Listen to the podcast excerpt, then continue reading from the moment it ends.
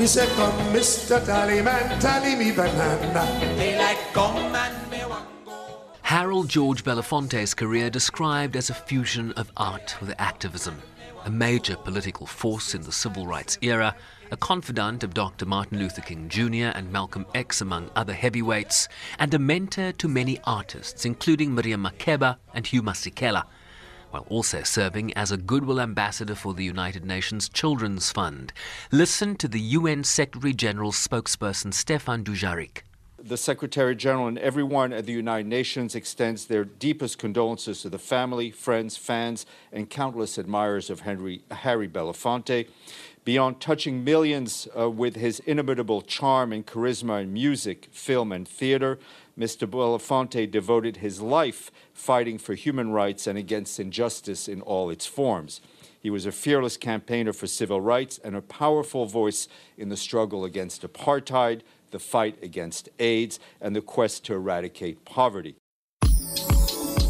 Tributes continue to pour in, including a statement from US Vice President Kamala Harris, who described the King of Calypso as a leader in the fight for civil and human rights across the world, inspiring a generation of young leaders to fight for change. Former US President Barack Obama tweeted a picture of Belafonte's visit to the Oval Office, calling him a barrier breaking legend who used his platform to lift others up. Also on social media, former President Bill Clinton said Belafonte spent 96 years breaking down barriers, bridging divides, and standing up for what he believed, with flowers placed on his star on Hollywood's Walk of Fame, as ordinary Americans also pay tribute. He used his active career to be a platform to speak to so many individuals, say, hey, we are here, black people, we matter.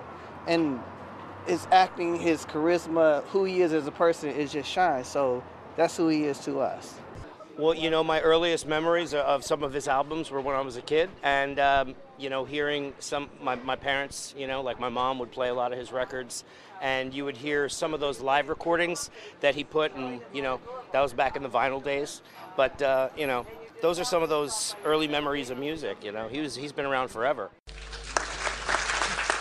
Belafonte's National Order citation for the Order of Companion of Oartambo in Silva in 2008 referred to his life as an embodiment of principle, courage,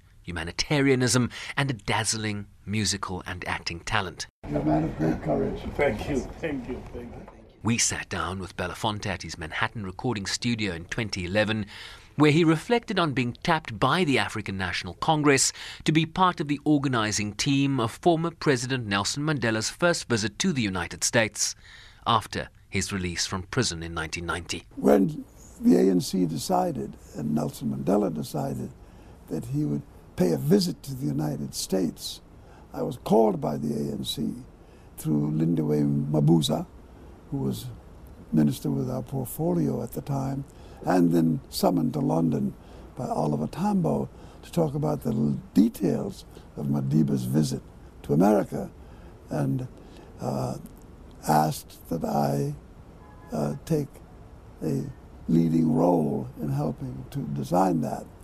And I thought that uh, uh, they had made the wrong choice. I said, I don't know how to handle anything that vast, a canvas that big.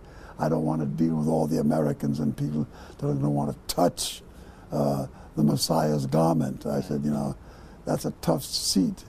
And after Oliver listened to him, but Mr. Tambo listened to all of this, he said, fine, you're the perfect person for the job. Madiba is said to have been just as excited to meet Belafonte, who had formed strong bonds leading up to the visit with other cultural activists, most notably his friendly relationship with the late Mama Africa, Miriam Makeba. I took on the responsibility of trying to organize, uh, along with some others who worked with me, on what should be the highlights of Madiba's visit and those in the ANC, uh, Zwalaki Sisulu and others who attended him, including Winnie. And uh, it was a moment of tremendous triumph touched many of us so deeply when he walked off the plane.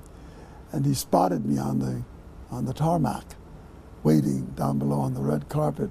He saw me, and as he walked down the stairs, he came over. The first thing he said to me was, Ah, Harry boy!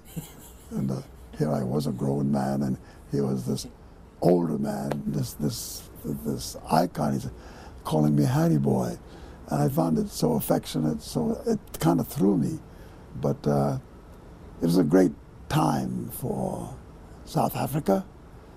It was a great time for this country to have had Madiba come to visit and to have stayed with him for 11 days, no matter where he went and flight. And I was, I was really his advance man and uh, uh, helped introduce him to many whom I thought uh, it would be important for him to meet. Seven, eight, and bunch, daylight come and me one go.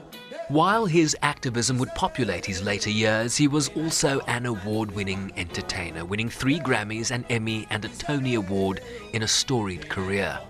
And until the end, Harry Belafonte refused to give up on his dream of seeing a better world for all, free of hate, racism, exploitation, and poverty.